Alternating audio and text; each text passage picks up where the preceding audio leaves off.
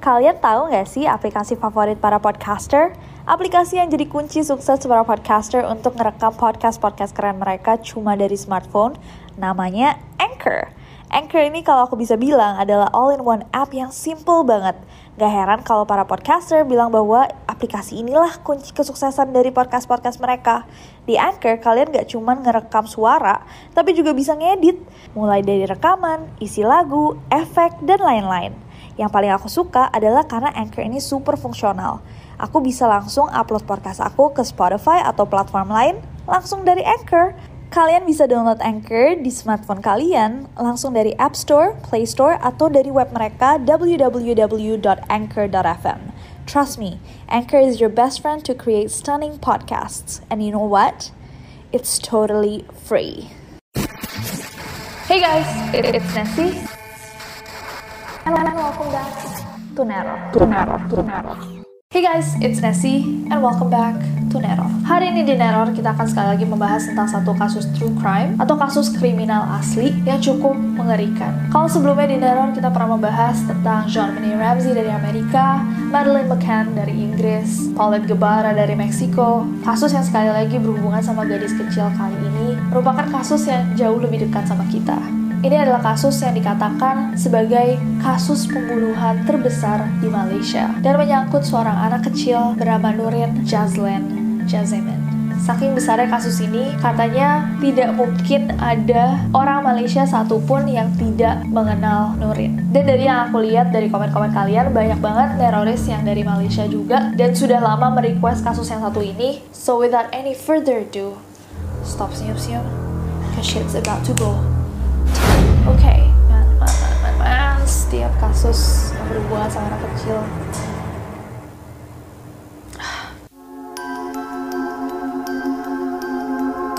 Kasus yang satu ini seperti yang aku tadi bilang merupakan salah satu kasus pembunuhan terbesar yang pernah terjadi di negeri jiran yang sempat menggegerkan seluruh dunia. Jadi kayak ini artikelnya tuh ditulis di banyak sekali negara saking mengejutkannya. Sonurin Jazlin Jazemel adalah seorang anak kecil berusia 8 tahun yang dilahirkan pada 11 September tahun 1999. Dia merupakan anak kedua dari tiga bersaudara dari pasangan Jazemen Abdul Jalil yang berumur 33 tahun dan Norazian Bistaman yang berusia 35 tahun. Nurin memiliki seorang best friend kayak sahabatnya dia waktu kecil gitu bernama Nurul Aina Mutnuh yang pada saat itu juga berusia 8 tahun. Pada saat itu kedua anak ini sama-sama bersekolah di Kebangsaan Desa Setapak, Kuala Lumpur dan dua-duanya masih di kelas 2 SD. Sahabatnya Nurin ini pernah bilang itu bahwa dia sangat mengagumi rambutnya Nurin. Jadi Nurin ini rambutnya tuh cantik sekali. Kata Nurul Aina, rambutnya panjang dan bersinar. Nurin selalu pergi ke pasar malam untuk beli klip rambut warna-warni dengan ibu dan bapaknya. Tapi biasanya dia beli klip warna hitam dan putih. Selain itu, Nurin juga dibilang sama teman-temannya sebagai anak yang super periang, friendly, dan juga senang banget membantu teman-temannya untuk mengerjakan pekerjaan-pekerjaan sekolah mereka. So she was a really sweet girl, anak yang sangat-sangat manis. Di sekolah, Nurin punya dua pelajaran favorit, yang satu bahasa Inggris dan yang satunya lagi bahasa Melayu. So sekarang kita masuk ke kronologi akan apa yang terjadi pada Nurin. Pada 20 Agustus tahun 2007, Nurin pergi ke pasar malam seperti biasanya untuk membeli hal favoritnya dia, klip rambut. Jadi dia tuh suka banget koleksi klip-klip rambut. Dia keluar pada jam 8.30 malam. Nah, Nurin Jazlin ini biasanya kalau misalkan ke pasar malam selalu ditemenin sama kakaknya dia, Nurin Jazira. Tapi pada malam itu mungkin kakaknya sibuk atau gimana, dia diperbolehkan untuk pergi ke pasar malam sendirian. Ibunya membenarkan hal ini bahwa Nurin emang keluar sendirian sendirian pada malam itu dan dia nggak mikir apa-apa yang aneh-aneh karena dia merasa bahwa flat yang ditinggali sama keluarganya itu deket banget sama pasar malam. Norazian, ibu yang Norin Jazlin gak mikir aneh-aneh gitulah. Dia cuma bilang kayak, oh, yaudah kamu pergi nanti balik ya gitu. Nah lama Nurin pergi ke pasar malam, dia nggak pulang-pulang. Orang tuanya mulai cemas akhirnya kayak, loh kok ini anak udah pergi lama nggak muncul-muncul, nggak pulang-pulang. Ibunya pun datang ke pasar malam untuk mencari anaknya. Dia juga nanyain ke semua penjaga-penjaga toko kayak, eh ada yang lihat nggak anak saya? Tadi dia ke sini sendirian dan nggak ada satupun penjaga toko yang melihat Nurin.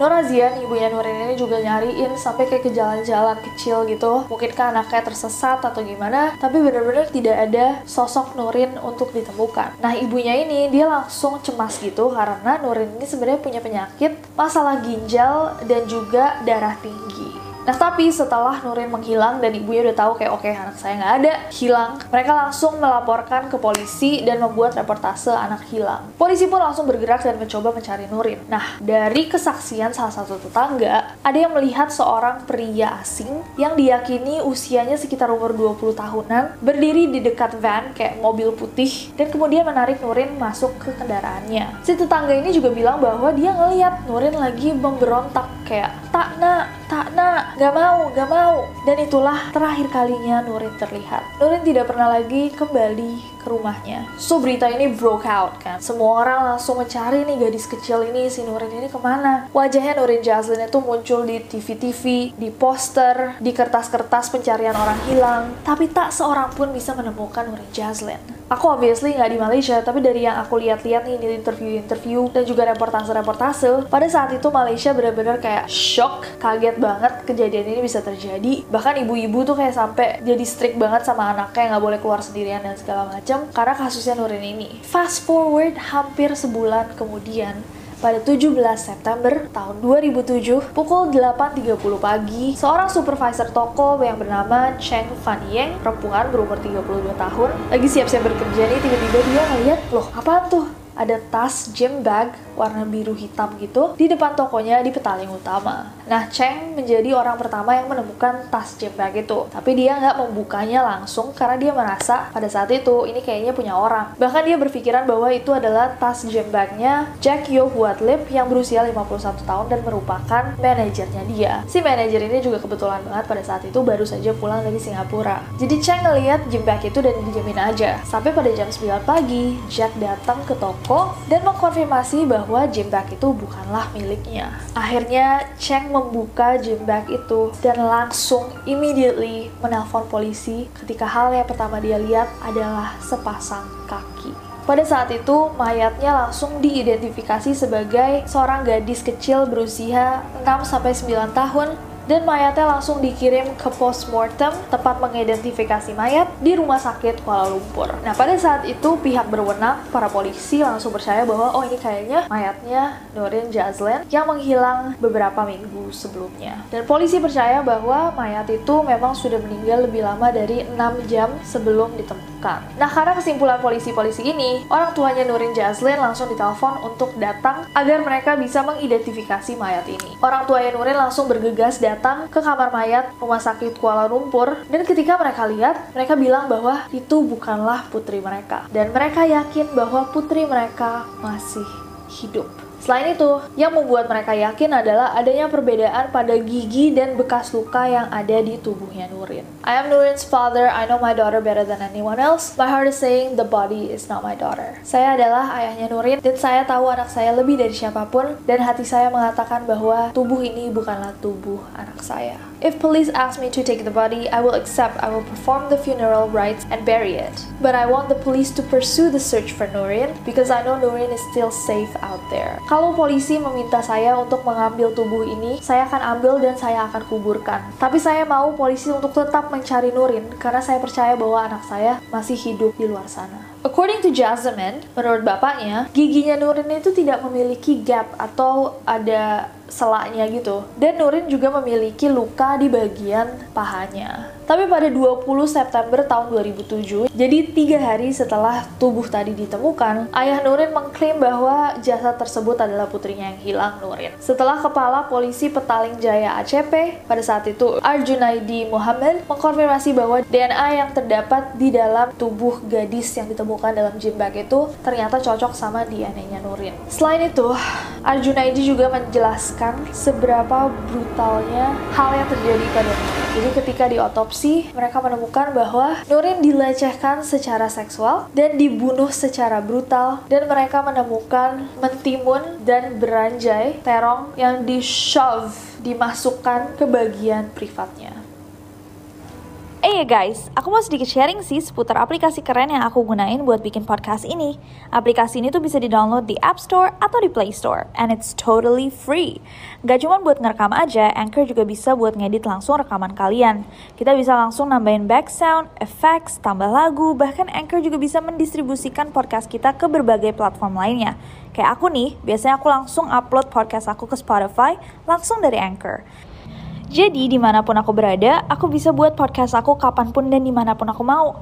Karena dia super gampang, aku jadi suka banget nih sama Anchor ini. Daripada kalian kepo, mendingan kalian langsung coba aja buat podcast sendiri pakai Anchor. It's super simple and free. Pada 21 September tahun 2007, pukul 14.25, jasad Nurin akhirnya dimakamkan di pemakaman muslim ibu kota di Taman Danau Kota. Kemudian pada hari itu, sebuah tim khusus dibentuk untuk mencari pembunuh Nurin dan dipimpin oleh Direktur CID Federal Christopher Wansukin. Dan pada awalnya, polisi sangat-sangat-sangat positif bahwa mereka akan menemukan pembunuhnya Nurin. Tapi sampai hari ini, sang pembunuh kejam itu masih bebas tanpa hukuman yang dia pantas dapatkan. Sekarang kita masuk ke fakta-faktanya. Yang pertama, ayahnya Nurin sempat bilang bahwa Nurin ini harus minum obatnya setiap hari. Atau dia akan menderita pembengkakan atau kram yang super serius. Seperti yang aku bilang di awal, Nurin memang mengidap penyakit darah tinggi dan ada problem sama ginjalnya. Fakta yang kedua, banyak banget pihak yang berkontribusi dalam pencarian Nurin Jazlin. Mereka bahkan menawarkan rewards yang cukup besar pada siapa pun yang berhasil menemukan Nurin. Seperti yang kalian bisa lihat di sini, banyak banget yang menyumbang sebagai rewards agar Nurin Jazlin bisa ditemukan. Nomor tiga, Nurin ini ternyata cuma satu dari 17 anak kecil yang pada saat itu hilang di Malaysia. Dan semua anak yang hilang ini diketahui umurnya semuanya di bawah 9 tahun. Next, setelah diselidiki pada tanggal 28 September tahun 2007, 5 tersangka ditangkap, 4 orang pria dan satu orang wanita, dan satu orang wanita itu dibebaskan karena polisi tidak menemukan keterkaitan antara dia dan Nurin. Sementara empat laki-laki yang lain itu ditahan selama tujuh hari, tapi habis itu dibebaskan juga. Next, pada 2 Oktober tahun 2007, Dato Michael Chong menawarkan hadiah 20 ribu ringgit Malaysia untuk siapa pun yang berhasil mengungkap dan menemukan pembunuh aslinya Nurin. Pada 2 Oktober tahun 2007 juga, polisi memeriksa seorang wanita Indonesia bernama Fitriani di sebuah toko pakaian dinilai Negeri 9, sekitar 15 km dari tempat terakhir Nurin terlihat, nah Fitriani ini ditangkap karena dia dicurigai sebagai orang yang bertanggung jawab memberi makan Nurin selama masa penculikannya Nurin. Satu hal yang cukup aneh itu ketika si Fitriani ini ditangkap, dia langsung menelan SIM card HP-nya dan hal itu membuat banyak orang kayak berpikir, oh mungkin dia selama ini SMS-SMS-an sama orang yang tahu apa yang sebenarnya terjadi sama Nurin atau ada rahasia-rahasia gimana sampai dia nekat menelan SIM cardnya itu. Nah kenapa Fitriani ini ditangkap? ternyata Fitriani ini sebelumnya sempat SMS pada polisi-polisi yang di antaranya berisi SMS Nurin berada dalam penjagaan saya. Nah, karena dia sering SMS-SMS kayak gitu yang seakan-akan dia tahu apa yang terjadi sama Nurin, akhirnya dia ditahan ketika dia sedang menjaga toko pakaian di Bazar Ramadan. Nilai Seramban untuk dimintai keterangan. Tapi ternyata guys, Fitriani ini hanya mengirim SMS kepada polisi, nggak pernah ke papanya Nurin asli, Abdul Jalil, dan ternyata dia sebenarnya tidak tahu apa-apa tentang keberadaannya Nurin atau apa yang terjadi sama Nurin. Dia sengaja nulis-nulis SMS itu ke polisi untuk mengacaukan penyidikan polisi atas kasusnya Nurin ini karena didorong sakit hati karena cintanya dipermainkan oleh oknum polisi. Nah, majikannya si Fitriani ini juga bilang bahwa oh itu bukan pekerja saya kok yang ada di CCTV itu. Jadi emang dia kayaknya benar-benar iseng slash sakit hati. Makanya dia mengacaukan penyelidikannya polisi Malaysia. Padahal pada saat itu polisi Malaysia lagi susah-susah untuk mencari pelaku kejahatan ini. Simon T. Siap, majikannya Fitriani, membantah tuduhan keterlibatan Fitriani dengan pembunuhannya Nurin karena Fitriani sedang menjaga toko pakaiannya saat rekaman CCTV tersebut diambil. Dari kesaksiannya Fitriani, dia mengaku memang sering mengirimkan SMS-SMS yang mengacaukan penyelidikan polisi Malaysia karena dia sakit hati dengan kepolisian Malaysia. Itulah mengapa saat polisi datang ke tokonya, dia langsung buru-buru mencoba menelan SIM card ponselnya. Nah, si Fitriani ini setelah menelan SIM ini ditahan di penjara 7 bulan karena ternyata dia juga ilegal masuk ke Malaysia tanpa dokumen-dokumen yang sah. Walaupun sebelumnya ketika dia melakukan hal-hal bodoh itu waktu dia dendam dan menelan SIM card, dia dilepas. Karena ketika SIM cardnya dikeluarin, data-datanya udah nggak bisa dibaca dan polisi nggak punya bukti bahwa dia ada kaitannya sama pembunuhannya Nurin. Next. So, dari CCTV yang beredar itu, ketika ada orang yang naruh gym bag di depan toko,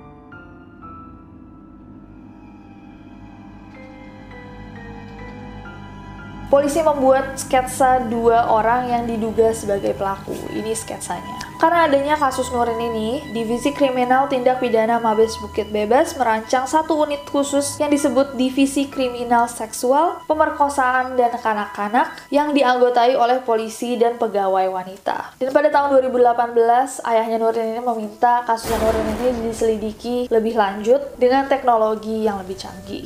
Tapi nihil ini 2020, kita masih nggak tahu apa sebenarnya yang terjadi sama Nurin dan siapa orang keji yang tega melakukannya. Sebagian terakhir, as always, kita selalu membahas tentang teori-teori yang dipercaya oleh publik.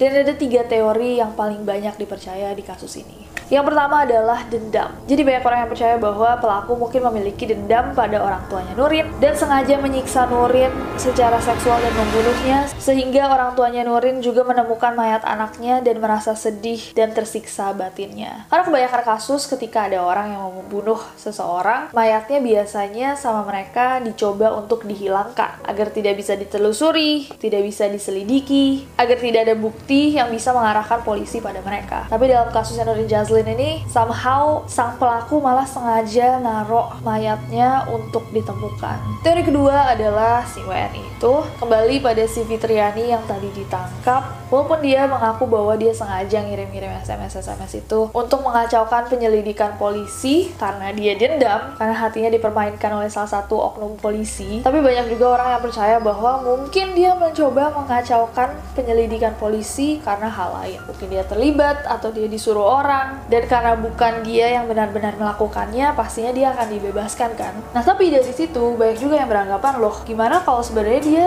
terlibat? Bisa aja dia nggak terlibat langsung tapi dia membantu orang yang melakukan hal keji ini untuk melarikan diri atau menutup track-tracknya selain itu kayak tadi aku bilang bahwa polisi juga akhirnya menangkap dia karena dia nggak punya dokumen-dokumen legal untuk bekerja dia nggak punya paspor dia nggak punya surat izin bekerja. Dan satu-satunya yang nge-backup dia adalah majikannya tadi yang bilang bilang bahwa oh enggak itu bukan dia kok. Dia lagi kerja waktu pada saat itu. Jadi banyak nih orang-orang yang kayak hmm Jangan-jangan dia terlibat dan ternyata majikannya juga terlibat. Nah, teori yang tiga ini kayaknya yang paling commonly believed, paling banyak dipercaya orang-orang adalah bahwa memang pada saat itu bahkan sampai sekarang ada nih orang-orang gila, pedofil, psikopat yang berkeliaran memang mencari anak-anak yang sedang tidak dipantau oleh orang tuanya. Teori ini juga didukung sama satu thread nih di Twitter yang ditulis oleh akun at Your Highness Eva bahwa ternyata dia juga sempat hampir hampir jadi korban penculikan seperti Nurin Jaslin. Jadi dari tweetsnya Eva ini dia menceritakan bahwa ketika dia kecil, around the same time Nurin Jaslin went missing, jadi pada waktu sekitar bersamaan pada saat Nurin Jaslin hilang, dia pernah di-approach oleh seorang laki-laki yang mengajak dia untuk ngasihin makan kucing. Nah si Eva ini pada saat itu umurnya sekitar 11 tahun. Dia baru aja balik dari pasar malam dan dia waktu itu sendirian. Dia lagi jalan, tiba-tiba didatengin orang. Kebetulan banget nih Eva ini emang suka banget sama kucing. Mungkin dia pakai baju kucing atau apa. Orang ini tahu dan bilang, yuk kamu mau nggak ikut om untuk ngasih makan kucing di situ. Nah, karena Eva suka kucing, dia nanya, "Loh, kucingnya di mana?" Terus dia bilang, "Itu ada di dekat belakang Tasik tuh, ye." Sambil menunjuk satu lorong gelap gitu. Nah, si Eva ini pada saat itu tertarik dia kayak, "Uh, mau kasih makan kucing nih." Tapi akhirnya dia menolak ajakan orang ini karena dia ingat bahwa dia mau nonton Doraemon di rumah. Jadi dia mau pulang cepet-cepet. Nah terus Eva bilang sama mamanya apa yang terjadi dan dia pada malam itu ibunya langsung ngirim police report. Dan ternyata itu adalah waktu setelah Nurin Jaslin menghilang dan pada seminggu abis ibunya ngirim police report itu si Eva ini diminta membantu polisi untuk mengidentifikasi orang itu karena dipikir ini kayaknya orang yang sama sama orang yang menculik Nurin. Dia bilang dia masih ingat mukanya, cara berpakaiannya, dia pakai kacamata, rambutnya dibelah pinggir, pakai baju putih, megang plastik merah yang katanya makanan kucing. Dan kata Eva, emang daerah itu tuh gelap gitu loh. Kawasan Lombong itu memang gelap. Jadi makanya mungkin banyak nih orang-orang jahat yang memang sengaja melakukan aksinya di tempat itu. So apparently motif penculikannya tuh kayak mencari sesuatu hal yang disukai anak-anak, terus mencoba untuk membawa mereka ke satu tempat, akhirnya disekap atau gimana. Dan kalau kita belajar dari kasusnya Eva, dia kan Eva lagi jalan sendiri. Jadi kemungkinan besar para psikopat atau pedofil itu memang mencari anak-anak yang lagi sendirian aja. Dan ini tidak terhubung antara apakah mereka punya relasi terhadap keluarganya Eva atau Nurin atau tidak. Benar-benar purely ngelihat ada anak kecil sendirian terus didatengin. Motifnya dilakukan secara acak tanpa motif personal. Jadi itu tiga teorinya.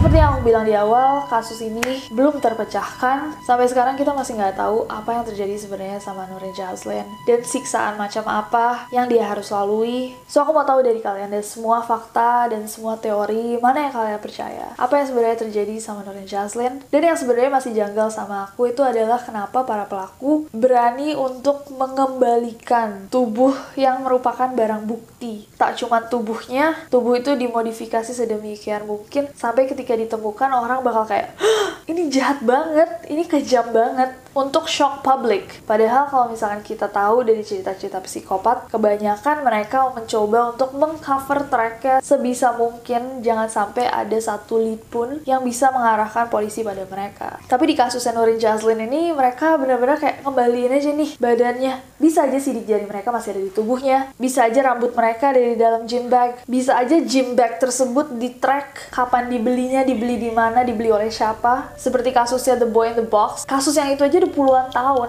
orang masih bisa mencari selimutnya dari mana. Dan kenapa dengan evidence-evidence ini polisi tidak bisa menemukan siapa yang melakukan ini? Adakah foul play? Adakah sogok menyogok? Kalau menurut kalian gimana? Dan aku juga mau denger dari kalian yang Malaysians, karena kita sebagai orang Indonesia nggak melewati kasus ini kayak sebagai nation, kita nggak tahu segila apa rasanya pada saat itu. Mungkin ada detail-detail yang kalian omongin sama temen atau sama keluarga yang aku nggak bisa dapatkan. Karena ini semuanya sourcesnya dari berita-berita berita gitu. Mungkin ada detail-detail lain please tulis aja di komentar. Jadi kita bisa berdiskusi bareng-bareng. Dan sebelum aku tutup videonya aku meminta kalian untuk mengantarkan doa untuk Nurin Jazlan dan keluarganya. Semoga ditabahkan dan semoga sang pelaku bisa ditemukan dan dihukum seadil-adilnya. Dan as always guys komen di bawah ide-ide buat video-video selanjutnya. Than that I hope you guys enjoy this video kalau misalnya kalian suka pembahasan video ini klik like-nya follow aku di Instagram dan Twitter Nancy Judge aja. Dan subscribe ke channel ini juga nyalain notification-nya biar kalian tahu kalau misalkan aku upload video baru. Karena aku gak sabar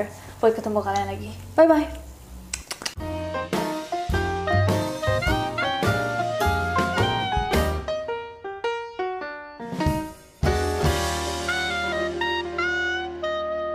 Dan mereka menemukan ketika terungkapnya dipotong aja. Pada jam 9 pagi, Jack datang ke sos. Jack Yo buat Lip yang berusia 51 tahun. Oh my god!